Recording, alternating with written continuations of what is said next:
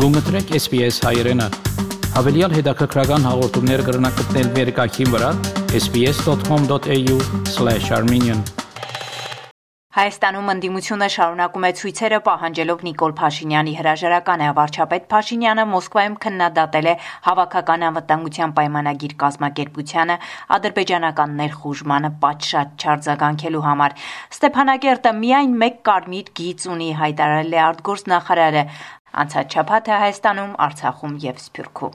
Մոսկվայում տեղի է ունեցել հավաքական անվտանգության պայմանագիր կազմակերպության անդամ պետությունների առաջնորդների հանդիպումը։ Ռուսաստանի գլխավորությամբ ստեղծված անվտանգային այս կառույցի հիմնադիր անդամներից է Հայաստանը։ Կազմակերպության հոբելյանական գագաթնաժողովում Փաշինյանը վերստին քննադատել է ռազմական դաշինքին Հայաստան-ադրբեջանական զինուժի ներխուժմանը պատշաճ չարձագանքելու համար։ Կառույցում նախագահող Հայաստանի ղեկավարն այս մասին ասել է Կրեմլում անդամ մյուս երկրների, այդ թվում Ռուսաստանի նախագահ Վլադիմիր Պուտինի ներկայությամբ, հավելելով նաև, որ տարիներ շարունակ կազմակերպության անդամ երկրները Բաքվին զենք էին տրամադրում։ Как вы знаете, в прошлом году, э, как раз в эти дни, э, войска Азербайджана вторглись на суверенную территорию Армении и Անցած տարի հենց այս օրերին Ադրբեջանի զորքերը ներխուժել են Հայաստանի ինքնիշխան տարածք։ Հայաստանը դիմել է կազմակերպությանը գործի դնելու ճգնաժամային իրավիճակներում նախատեսված մեխանիզմները,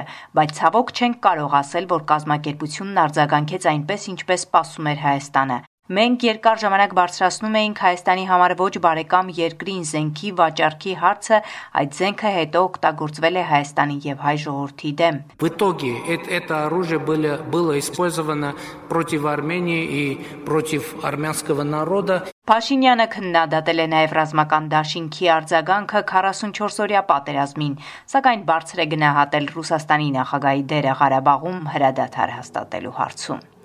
Մոսկվայում մայիսի 16-ից 17-ը նախատեսված է Ադրբեջանի եւ Հայաստանի սահմանազատման եւ սահմանների անվտանգության հարցերով հանձնաժողովների նիստը այս մասին օրեր առաջ հայտնել էր Հայաստանի արտգործնախարար Արարատ Միրզոյանը։ Ապրիլի 6-ին Ադրբեջանի նախագահ Իլհամ Ալիևի Հայաստանի վարչապետ Նիկոլ Փաշինյանի եւ Եվրոպական խորհրդի նախագահ Շարլ Միշելի մասնակցությամբ Բրյուսելում կայացած հանդիպմանը ձեռք բերված պայմանավորվածության համաձայն Բաքուն եւ Երևանը պետք է սահմանազատման համատեղ սահմանային հանձնաժողով կազմեին, որի առաջին հանդիպումը նախատեսվում էր անցկացնել մինչև ապրիլի վերջ։ Անցած շաբաթ Նիդերլանդներ էր մեկնել Հայաստանի վարչապետ Նիկոլ Փաշինյանը, հանդիպումներ ունեցել Նիդերլանդների վարչապետի, Սենատի նախագահի եւ ներկայացուցիչների պալատի նախագահի հետ։ Փաշինյանը հանդիպել է նաեւ Նիդերլանդների գործարար համայնքի ներկայացուցիչների հետ, Պաշտոնական Երևանը վերջերս հատուկ հանձնարարություններով դեսպան նշանակված Էդմոն Մարուկյանի գլխավորությամբ գաղտնազերծել է Ադրբեջանին ուղարկված այն 6 կետերը, որոնք կազմել է ի պատասխան խաղաղության պայմանագրի համար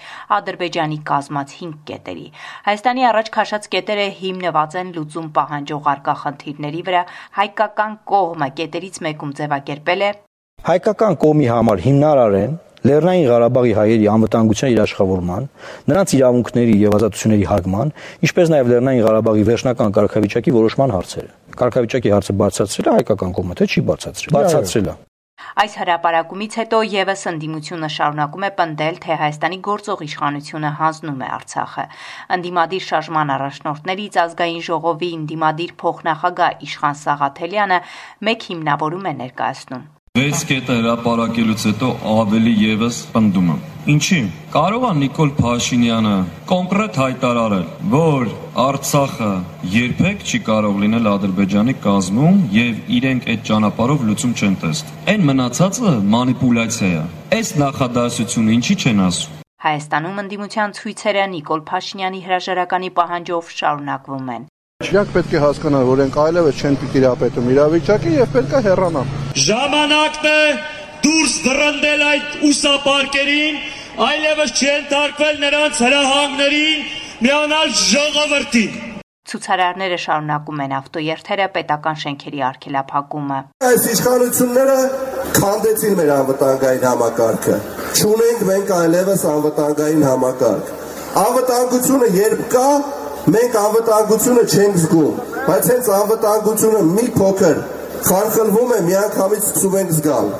Հիմա ունենք արտագաղթ, չունենք ներդրումներ, ունենք տնտեսական անկում։ Ինչ Ի՞նչն է պատճառը։ Չկան երկարաժամկետ անվտանգային երաշխիքներ։ Սրանք միայն պարտվողական քաղաքականություն են առաջ տանում։ Սրանք մեզ հոգեբանորեն ճնշում են, ասում են, եթե հանկարծ մենք գնանք լինելու է պատերազմ։ Ժողովուրդ սուտ են ասում, պատերազմը իրանք են, պատերազմը իրանք են բերել, ու իրանք են պատերազմից հիմա սարսափած ու պատերազմը մեզ վախեցնելով կարճած մնում իրենց աթորներից։ Պայքարի առաջին օրը հայտարարել ենք, որ գնալու ենք մինչև վերջ։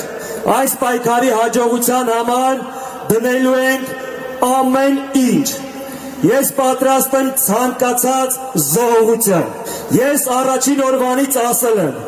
գնալու եմ շարքերի արջևից, առաջինը հարվածելու եմ, առաջին հարվածը վերցնելու եմ իմ վրա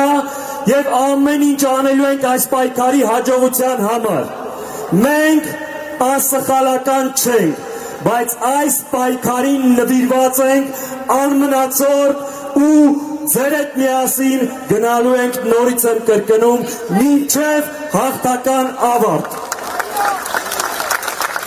Դատախազությունն էլ հայտարարում է, որ քրեական գործեր են հարուցվել վերջին օրերին տեղի ունեցող հավաքներին, երթերին, դրանց շրջանակներում կազմակերպող բողոքի անհնազանդության գործողություններին մասնակցելու համար, ինչպես մայրաքաղաքում, այնպես էլ առանձին մարզերում բնակվող քաղաքացիներին առերևույթ հարկադրելու կամ նյութապես շահագրգռելու փաստերով։ Արցախ. Ստեփանակերտը միայն մեկ կարմիր գիծ ունի։ Ադրբեջանի արտգործնախարարության Հայաստանին փոխանցած 5 կետինի պատասխան Հայաստանը հրապարակել է կողմերի միջև հարաբերությունների հաստատման 6 կետ, դրանցից մեկն ուղակի վերաբերում է Արցախին։ Արտգործնախարար Դավիթ Բաբայանի գնահատմամբ դրական է, երբ արձանագրվում է, որ հիմնախնդիրը լուծված, կարգավորված չէ եւ դա ըստ էության ընդունում է նաեւ Ադրբեջանը հայկական կողմերը իրավունքներն ու այսպես պաշտպանվածություն, անվտանգություն եւ կարգավիճակը ընդունում են որպես Ադրբեջանի տարածքից դուրս, որովհետեւ մենք այս կարգավիճակը կարող է մեր անվտանգությունն ու մեր իրավունքները ապահովել։ Ադրբեջանում միգուցե այլ ձև են նայում եւ տեսնում են այդ իրավունքների պաշտպանություն եւ այդ կարգավիճակը մաքսիմում ինչ որ մշակութային ինքնավարության մակարդակով։ Սա լավագույն դեպքն է։ Դավիթ Բաբայանի խոսքով Ադրբեջանի կազմում Արցախի լինելը նշանակում է հայաթափում եւ ցեղասպանություն։ Պետք է ֆիքսել մի բան, որ Արցախյան հիմնախնդիրը փակված չէ, որ ան, անընդհատ պետք է այս ամենը կրկին շեշտել, պայքարել եւ միշտ ընդգծել մեկ բան. անկախ նրանից քանի կետ է 6 կետ է 16 կետ է 106 կետ է Արցախ ունի այս պայդրությամբ միայն 1 կետ մեկ կարմիր գիծ։ Դա այն է, որ մենք Ադրբեջանի կազմում չենք լինելու։